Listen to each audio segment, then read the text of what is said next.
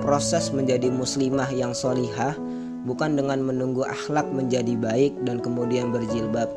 Kalau kita sudah mampu berjilbab, lakukanlah itu. Maka kemudian Allah akan memberi jalan dan menolong kita untuk memperbaiki akhlak kita, ya memperindah perangai kita dan menghapus segala kekhawatiran kita. Jadi berjilbab teman-teman sekalian Insya Allah nanti akan Allah ubah akhlak kita hidayah Allah itu Masya Allah ya kalau kita mau ikhtiar ada bersungguh-sungguh aja. Ya Insya Allah nanti hidayah itu akan hadir. Dengan sendirinya nanti akhlak kita akan Allah perbaiki. Karena kemudian kita sudah menjalankan perintahnya Allah Subhanahu wa taala untuk apa? Untuk berjilbab.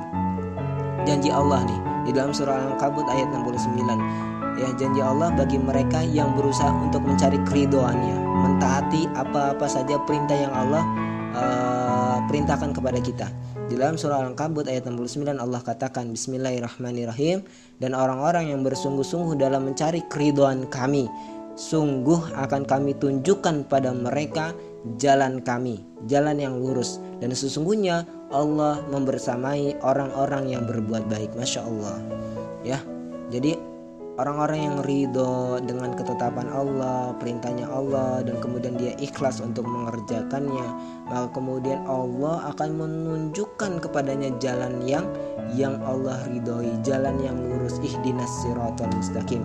Dan di ayat terakhirnya Allah katakan dan sungguh Allah bersama membersamai ya orang-orang yang berbuat baik. Jadi kalau antum berbuat baiklah tahzan innallaha ma'ana Sungguhnya Allah itu bersama antum Kalau hari ini antum berbuat kebaikan. Berjilbab dikata-katain La tahzan innallaha ma'ana. Berjilbab kemudian antum dijauhin La tahzan innallaha ma'ana. Hari ini antum berusaha untuk ikut ta'lim ya kan? Menuntut ilmu tolabul ilmi berpakaian syar'i. Kemudian ke antum mungkin dipersulit urusan dunia lah tahzan innallaha ma'ana. Allah bersama orang-orang yang berbuat kebaikan ingat bahwa keraguan-keraguan kita dalam berbuat baik, beramal soleh, mendekatkan diri kita kepada Allah, ya keraguan-keraguan itu ketika muncul maka itulah datangnya dari syaitan. Ya jadi pede aja gitu ya, nggak nggak usah ragu, nggak usah cemas, pesimis, gelisah akan masa depan, nggak usah.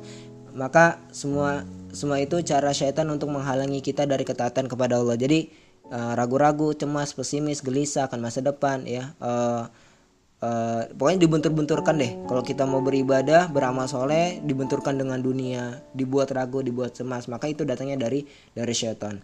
Ia menakuti kita dari ketaatan kepada Allah. Ia memberikan kata jangan ini jangan itu. Deh nanti nanti lu susah di kerjanya. Nanti lu dijauhin teman deh. Nanti ini ini ini lalu pusing aja. Nggak nggak oh, pokoknya yang keraguan-raguan itu datangnya dari syaitan. Maka uh, ini harus kita jauhin. Sesungguhnya perintah Allah itu nggak ada yang zalim ya. Allah itu maha adil tidak pernah berbuat zalim ya kan? Kemudian Allah itu uh, senantiasa tidak akan keliru dalam uh, memerintahkan sesuatu. Jadi kita berkhusus saja kepada Allah ya kan? Kita ini makhluknya Allah diciptakan Allah dan kita akan kembali kepada Allah. Itu perlu diingat ya. Jadi yakinlah Allah itu akan memberikan sesuatu yang terbaik kepada kita kalau kita mentaati perintah-perintah Allah. Ya, ini dalam surah Fatir ayat 6 ya. Ini uh, tentang syaitan nih. Sungguhnya syaitan itu adalah musuh bagi kalian. Maka jadikanlah ia sebagai musuh kalian karena sesungguhnya syaitan itu mengajak golongannya supaya mereka menjadi penghuni neraka yang menyala-nyala. Ya.